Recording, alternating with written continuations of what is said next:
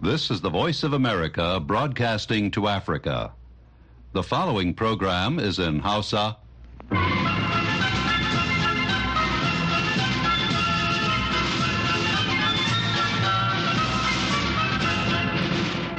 Sashen Hausa na muryar Amurka ke magana daga nan birnin Washington DC.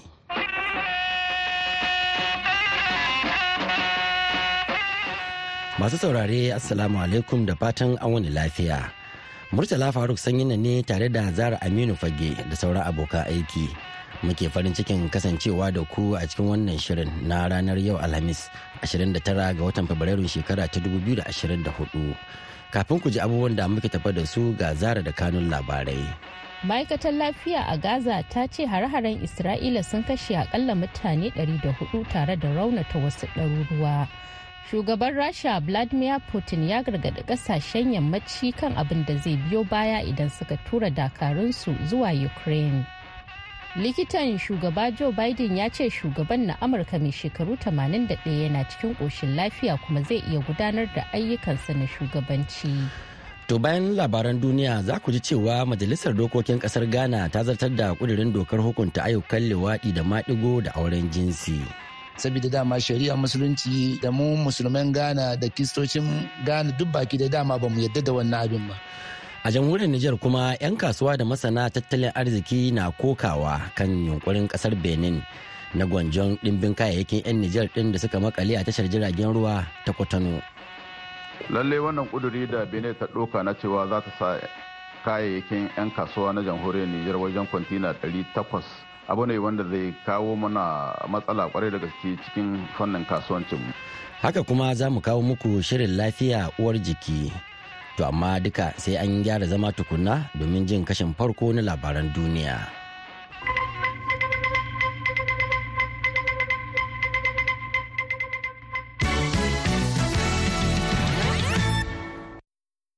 Those in favor that the Human Sexual Rights and Family Values Bill 20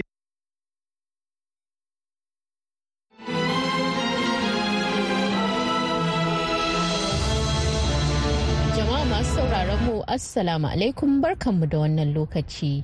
Ma'aikatar lafiya a gaza ta ce hare-haren isra'ila sun kashe akalla mutane 104 tare da raunata wasu ɗaruruwa a daidai lokacin da wani gungun falasdinawa ke jiran agajin jin kai a birnin gaza.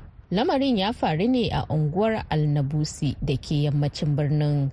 A wata sanarwa da rundunar sojin isra'ila ta fitar ta ce mutane da dama ne suka jikkata sakamakon turmutsitsi yayin da jama'a ke ƙoƙarin ɗaukar kayan agaji daga manyan motoci a lokacin da kayan suka isa arewacin gaza. Rundunar ta kara da cewa tana bincike a kan lamarin. A gefe guda kuma dakarun tsaron isra'ila sun bayar da rahoton cewa sun kai wani samami ta ƙasa a arewacin gaza da kuma hare-hare ta sama a yankin kan yunis da ke kudancin yankin. A safiyar yau alhamis ma'aikatar lafiya a gaza ta ce adadin falasdinawa da aka kashe a hare-haren isra'ila ya haura zuwa akalla dubu talatin da talatin da biyar yayin da wasu dubu saba'in da dari huɗu da hamsin da bakwai suka jikkata. Shugaban rasha vladimir putin ya gargaɗi ƙasashen yammaci kan abin da zai biyo baya idan har suka tura dakarunsu zuwa ukraine. Yana mai cewa ƙasarsa tana da makaman da za su kai hare-hare a yankunan ƙasashe na yammaci. A farkon makon nan shugaban faransa emmanuel macron ya ce duk da cewa babu wani shiri na tura sojojin ƙasashe zuwa ukraine amma akwai yiwuwar aukuwar hakan. Macron ya faɗa wa manema labarai cewa babu wata matsaya da aka cimma ta tura wani jami'i zuwa ukraine amma bisa yadda al'amura ka iya canzawa akwai duba yiwuwar hakan. Kasashen nahiyar turai da dama sun soki wannan shawara ta macron kamar yadda ita ma amurka ta yi. A halin da ake ciki shugaban ukraine vladimir zelensky ya faɗa a ranar laraba cewa makomar nahiyar turai na ƙoƙarin komawa hannun mamayar da rasha ta yi wa kasarsa likitan shugaba joe biden ya ce shugaban na amurka mai shekaru 81 yana cikin koshin lafiya kuma zai iya gudanar da ayyukansa na shugabanci kamar yadda doka ta tanada a cewar wata sanarwa da fadar white house ta fitar. Sanarwar wacce fadar ta fitar a ranar laraba na zuwa ne bayan da biden ya je duba lafiyarsa kamar yadda ya saba a kowace shekara a kuma daidai lokacin da wasu ke ikirarin yana da matsalar mantuwa. He passes a cognitive test every day, every day, as he moves from one topic to another topic, try, understanding the Dr. Kevin O'Connor, likitan na Biden ya kara da cewa binciken da ya gudanar ya nuna shugaban na Amurka ba shi da wata sabuwar damuwa game da lafiyarsa. A ranar laraba biden ya je asibitin soji na walter reed a nan birnin washington dc don duba lafiyarsa. Wannan shine karo na uku da yake zuwa likita ya duba shi tun bayan da ya hau karagar mulki. Yayin da wasu ke nuna damuwa kan yawan shekarunsa duba da cewa yana neman wa'adi na biyu.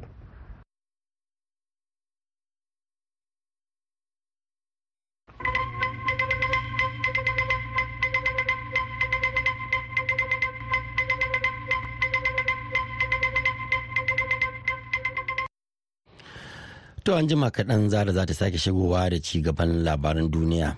To amma kafin nan majalisar dokokin ƙasar Ghana ta zartar da ƙudurin dokar hukunta masu luwaɗi da maɗigo da auren jinsi bayan kwashe shekaru uku tana tattaunawa kan ƙudurin.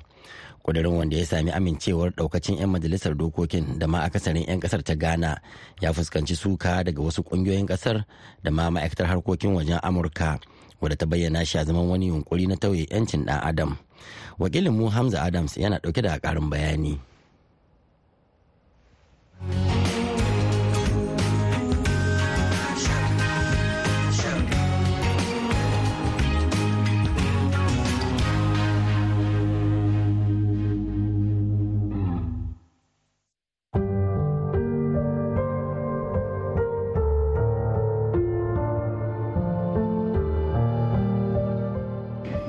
favor that the Human Sexual Rights and Family Values Bill 2021 be taken through the third reading, say aye.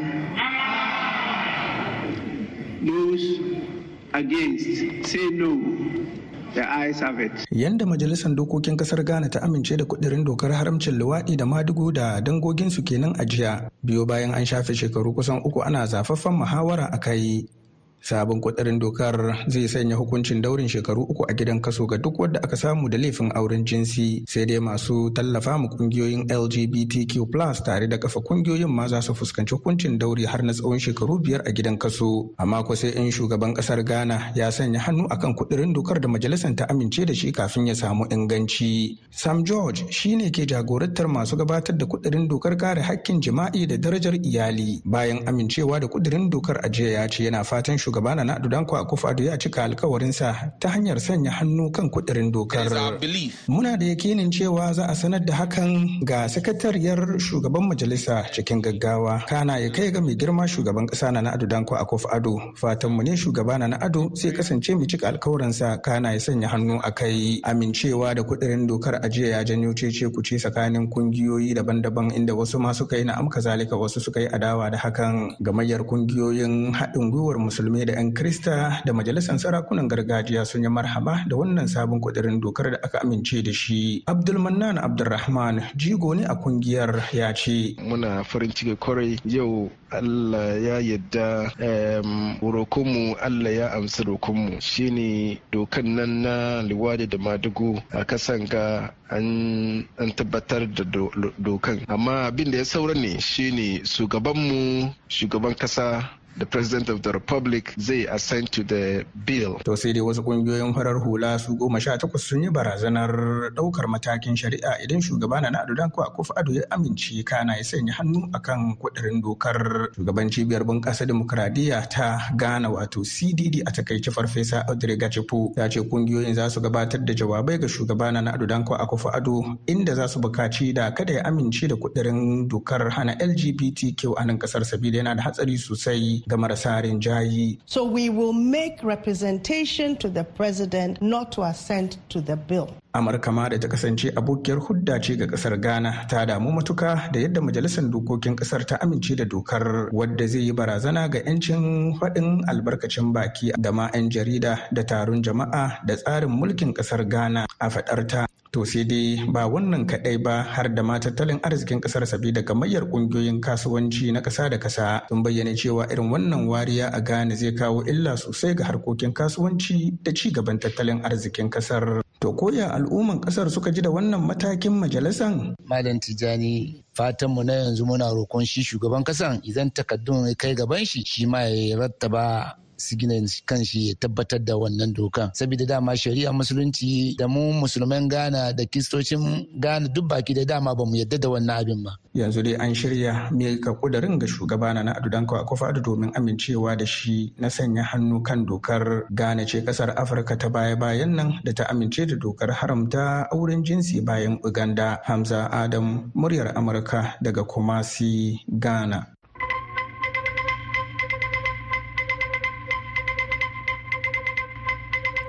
To a gaida Hamza Adam tare da fatan za a yi mana afuwa saboda 'yar tangardar na'ura da muka fuskanta kamun wannan rahoton. Yanzu kuma ga zara ta dawo da ci gaban labaran duniya. alkalai a kotun hukunta manyan laifuka ta icc sun yarda da hukuncin biyan diyar sama da euro miliyan 52 kwatankwacin dala amurka miliyan 56 ga dubban mutane da ƙungiyar 'yan tawayen uganda ta lord resistance army ta azabtar kusan mutane dubu hamsin wannan umarnin na kotun ta icc ya shafa kuma sun hada da tsofaffi yaran da aka bautar da su ta hanyar tilasta musu shiga aikin soja da yaran da aka haifa sakamakon fyaɗe da kuma matan da aka tilasta musu suka samu juna biyu. An samu dominic ongen da laifuka 61 shekaru uku da suka gabata waɗanda suka hada da kisan kai fyaɗe auren dole da tilasta wa yara aikin soja a shekarar 2002 zuwa 2005 wani kwamitin ɗaukaka ƙara na kotun ta icc ya amince da hukuncin ɗaurin shekaru 25 a ƙarshen shekarar 2022 inda ya kafa matakin neman biyan diya.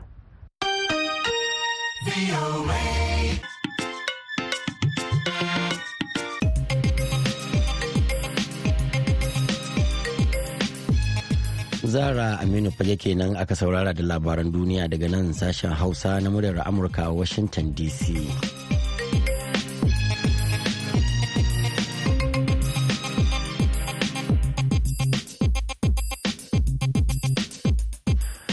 Hukumomi a ƙasar jamhuriyar benin sun bayyana wani yunkuri na yin gwanjon wasu kayayyaki mallakar 'yan kasuwar jamhuriyar nijar da suka makale a tashar jirgin ruwan kotonu sakamakon wuce wa'adin ajiya da aka kayyade wannan da ya biyo ne bayan takunkumin da ƙungiyar ecowas ta kakaba wa sakamakon juyin mulki.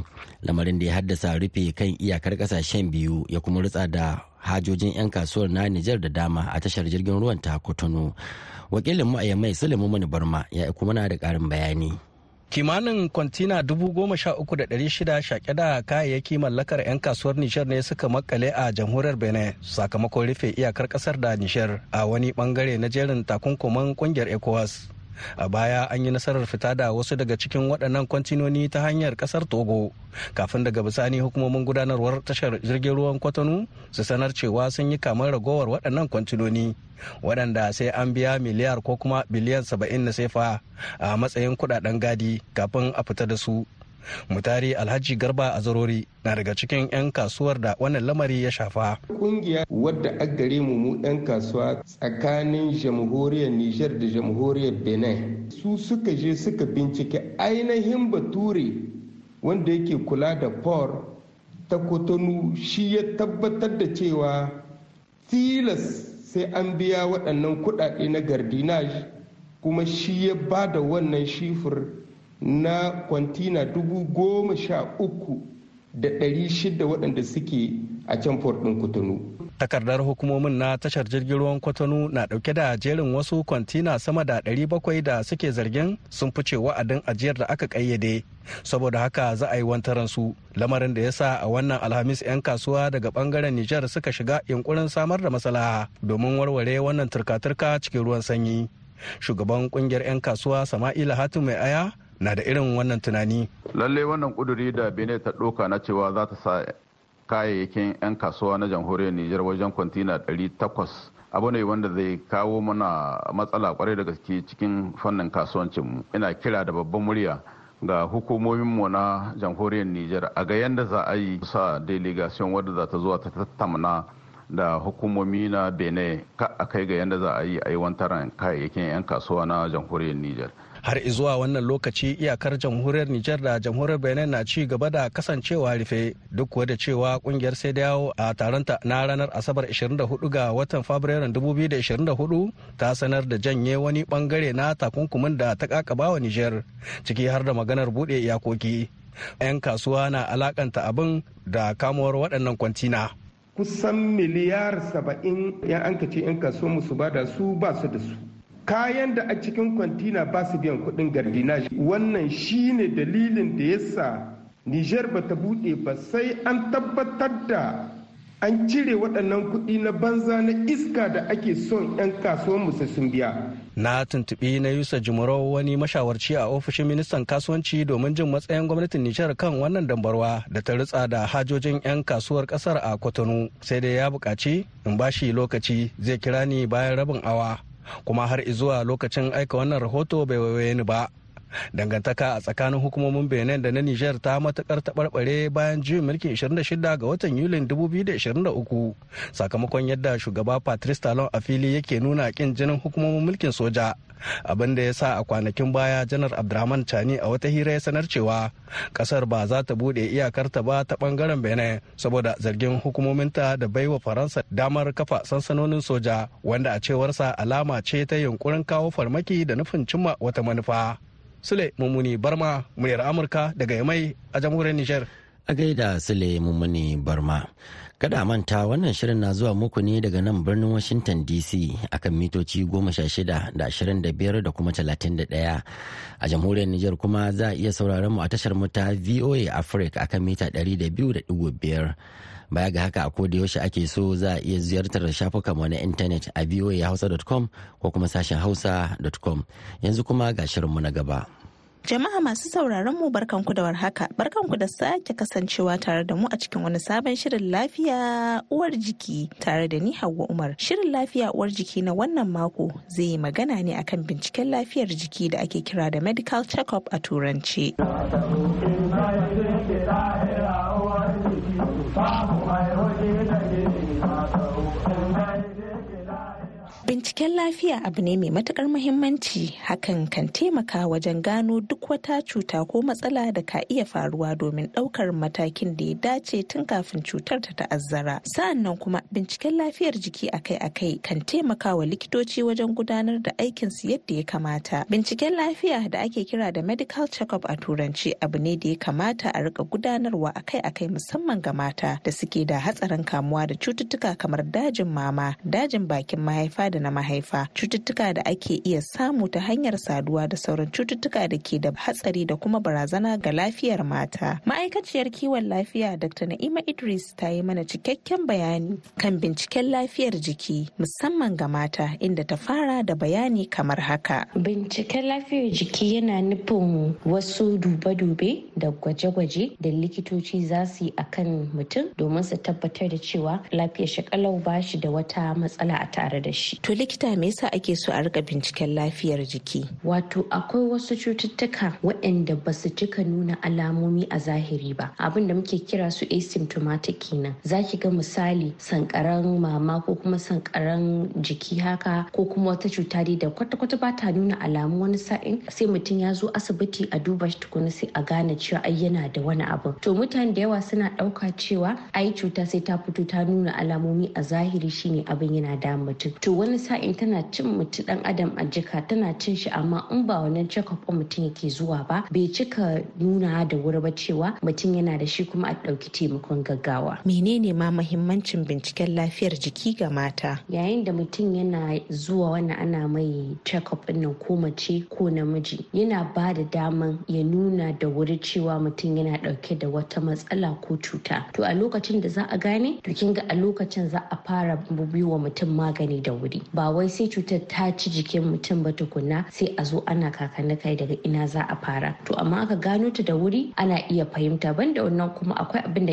ake kira family history wato wasu cututtukan da suke bi ta jini haka ta gado kenan. To kinga idan mutum yana zuwa check up kinga ai zai iya bayyana to shi fa ga wasu wani cuta da suke da shi a gadon su. To za a iya mai bayani shin shi yana da wannan riskin wato yana siratsin samun wannan cutar ko kuma baya siratsin samun ta. To duk waɗannan abubuwan su ne suke da muhimmancin mutum ya dinga zuwa yana check up. Kamar hawan jini ne wasu zaki ga ba sa nuna alamu sai dai kawai su ce mai yiwuwa bayan sai na ciwo a hannu yana ciwo. To amma idan suka zo asibiti ana duba blood pressure ɗin wato hawan jini sai ki ga ya hau. Su ba su ma sani ba kwata-kwata. To muhimmancin da ya fi ƙarfi shine a gano abu da wuri domin a tabbatar da ina za a bullo mai. Wasu gaɓoɓi ne ya kamata mata su riƙa binciken lafiyarsu? Akwai gaɓoɓi da yawa da mata ya kamata su dinga duba lafiyarsu amma bari mu fara da guda biyu waɗanda suka fi muhimmanci. Na ɗaya akwai sankaran mama shine breast cancer sai kuma na biyu akwai cervical cancer wato kansar bakin mahaifa. Kin ga ita breast cancer mutane da yawa a duk duniya abin da yasa ake gano ta da wuri suna samun lafiya kuma saboda wannan check-up ɗin da suke zuwa ne wato binciken lafiyarsu. Tun da a nan gefen duniya ba mu cika zuwa medical check-up ba sai kiga ba a gano ta da wuri har sai ta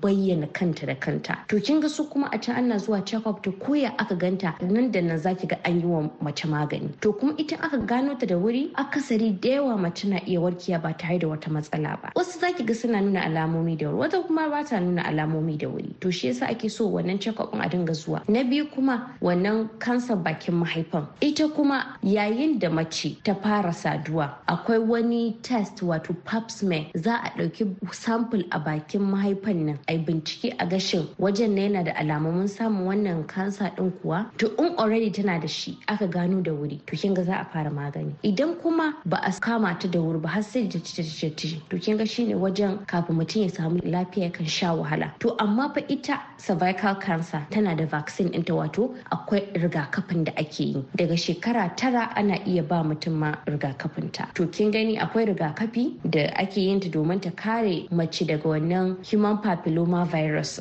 wanda yake janyo ta. Sai kuma wasu hada da kamar su hawan jini su ciwon suga haka da wasu dai abubuwa da suke addaban mata. To shine kamata mace ta dinga binciken wa'annan gabobin yana da mahimmanci wa'annan gabobin balin aka yi magana akan sankaran mama da kansar bakin mahaifa a duk duniya ita ce su ne kansa inda suke addaban mata gaba ɗaya kuma mata da yawa suna rasa rayukansu. Balle ma a wannan shafin a ƙasar mu haka ta Najeriya kuma abin da yake janyo wannan shine rashin wannan binciken lafiya din kenan wato medical check-up. Idan mutum ba wai ya ga wasu alamomi ba ne baya son zuwa asibiti kwata-kwata. Sai abin ya ci ya cinye. To yana da mahimmanci saboda a duniya gaba ɗaya abu ne addabi mata gaba ɗaya. To shi yasa zan iya cewa wa'annan su ne wanda suka fi mahimmanci a cikin wa'annan matsalolin. Kamar daga wasu shekaru ya kamata mace ta riƙa ziyarar asibiti don duba lafiyar jikinta. To a wannan dai gaskiya ba zan iya ce miki ga takamaiman shekarun da ya kamata mace ta dinga zuwa ana mata wannan binciken lafiyar ba. Dalili kuwa da yasa haka shine akwai yara matan da ake haifansu da wasu matsaloli tun suna kanana to kin ga su wannan tun suna kanana suke fara zuwa asibiti a duba su. To amma yanzu misali kaman a ce sankaran mama shi ma kin gani muddin yarinya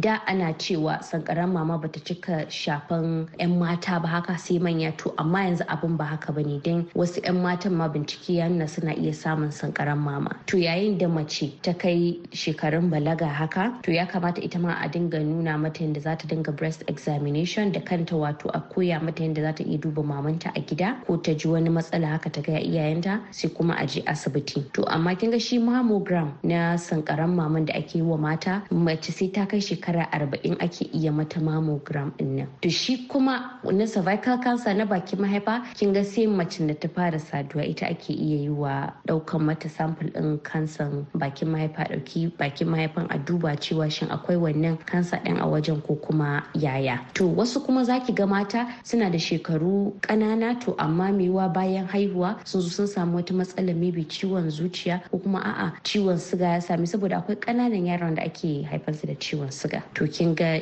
wannan tun da ƙarancin shekaru za su fara zuwa asibiti. To amma idan mace tana da halin ta dinga zuwa asibiti ba tare da wani abu ya same ta ba ba matsala ban ta ta dinga zuwa saboda daidai da yara ƙanana ma mata akwai wanda ake iya kai su check up kamar waɗanda ramar tasa ta yi yawa haka ƙananan yara. Wasu kuma ki gani saboda girman su wato da obese wato kibar ta ta yi yawa ma shekarun su. To kin ga su ma ne da ya kamata ana yawan kai su ana musu check up. To ba za a kiyasta a ce dole sai a wannan shekaran ko a shekarun nan wai mace ta iya zuwa asibiti ba. To likita kamar sau nawa a cikin shekara ko a sati ko a wata ya kamata mace ta je a duba lafiyar jikinta? Misali a ce da mace ta haihu tana da 'ya'ya kin ga lokacin saboda jiki yana canjawa abubuwa da yawa a lokacin ga kuma yara wasu kuma zaki gani bayan sun haihu suka iya zuwa irin da matsaloli haka to wasu tun daga lokacin ake ga sun fara zuwa irin check-up ana duba lafiyar su sai kuma masu hawan jini masu ciwon siga su kin ga already akwai clinic days din su wato ranakun da ake musu check-up a asibiti. Wasu matsaloli ne mace za ta iya cin karo da su idan ba ta zuwa asibiti don duba lafiyarta. To matsalolin dai ba su wuce waɗanda muka bayani a kansu ba kamar shi sankaran maman breast cancer da kuma kansa bakin mahaifa wato cervical cancer sai kuma ciwuka irin su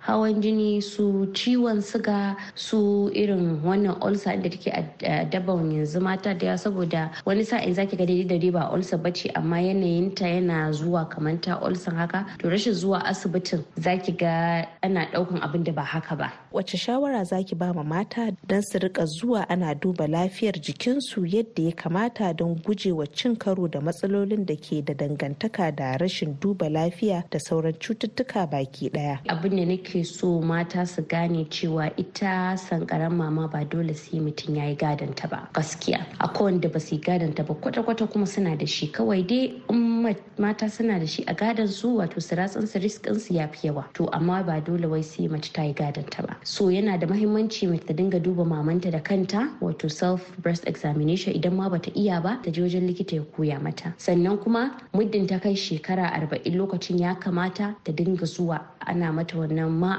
mata wannan mammogram din. Sai kuma shi cervical cancer din yayin da mace ta fara saduwa to risk ɗinta ya fi yawa. Amma idan aka mata allurar kafin nan to kin ga risk ɗin yana raguwa sosai. Ƙungiyar kula da lafiyar ɗan adam ta duniya wato WHO cewa ta yi ma tsarki da ruwa ya isa ba tare da sabulu ma ba dole ba ne. Amma in tana buƙatar ta yi tsarki da sabulu za ta yi amfani da wanda bashi da kanshi bayi da ƙarfi haka kwata-kwata. To amma ruwa ya isa to kin ga an ce ruwa ya isa balle wasu mutum su je suna turace duk waɗannan abubuwan. Abu ne da ya kamata mu sai lokaci da ya kamata mu fara kare kanmu saboda akwai cututtuka da ba a san takamaimai me yake janyo su ba. To ya kamata mu ma mu dinga kare kanmu da kanmu ba tare da wai wasu sai sun mana fada akan lafiyar mu ba masu sauraron mu kada ku sha'afa shirin lafiya uwar jiki ne ke zuwa muku daga nan sashen Hausa na muryar Amurka kuma a nan za mu da sa'aya a shirin namu na lafiya uwar jiki na wannan mako a madadin likita da muka kasance tare da ita a cikin shirin wato Dr. Na'ima Idris sai kuma ni Hauwa Umar da na shirya na gabatar nake mana fatan mu huta lafiya. To a gaida Hauwa Umar da wannan kuma muka zo ga shirinmu na ƙarshe labarai a taƙaice.